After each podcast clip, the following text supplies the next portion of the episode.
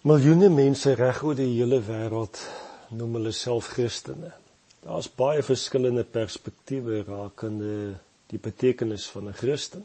Mense kry regtig mense wat lief is vir Jesus en dan kry jy mense wat hulle net vereenselwig kultureel tradisioneel met kerke of gemeentes. 'n Mens kan nogal maklik die punt mis waaroor dit werklik gaan in verhouding met Jesus.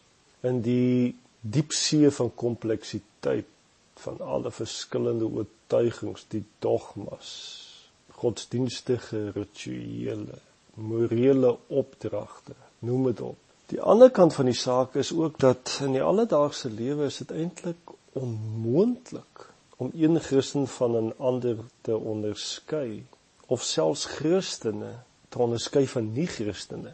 Meeste Christene smelt maar net saam in wat hulle waardes, leefstyle, ekonomiese en politieke sienswyse aanbetref saam met die dominante kultuur van die gemeenskap. Maar tog was dit nie altyd so nie. Tog behoort dit nie so te wees nie. Lank gelede het Christene tussen 'n menigte skare uitgestaan.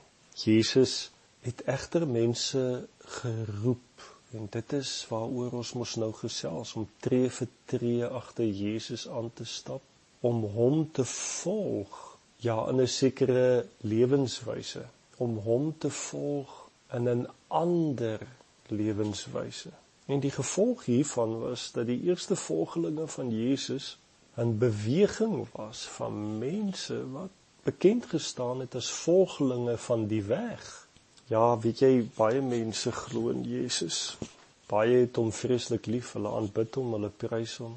Hulle het hom in hulle harte ingenooi en hom as saligmaker en redder aanvaar. Daai woorde wat ons altyd gebruik, nê? Maar ek wonder of hulle regtig gewillig is om hom te volg, om soos hy te word, om soos hy te doen. Dit lyk nie vir my so nie.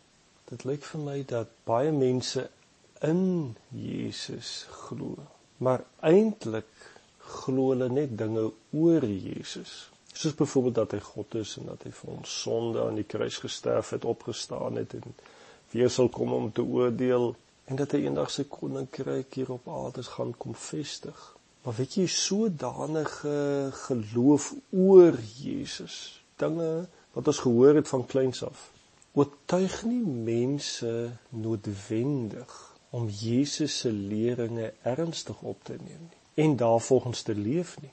'n Mens kan verstaan en glo dat Jesus die seun van God is, maar jy kan steeds in selfgesentreerde lewe leef. Die hulpkrete van die armes ignoreer en selfs ander mense haat van ander rasse, kulture ensovoorts.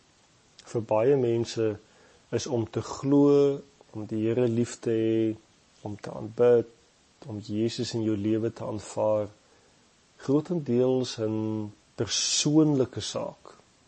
Soms ook baie emosioneel en al word dit ook in 'n koöperatiewe omgewing beoefen soos byvoorbeeld in 'n erediens is dit vir meeste mense 'n intense persoonlike privaat saak in 'n belewenis.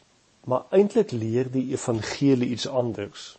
Om Jesus te volg is beslis nie 'n persoonlike privaat aangeleentheid nie.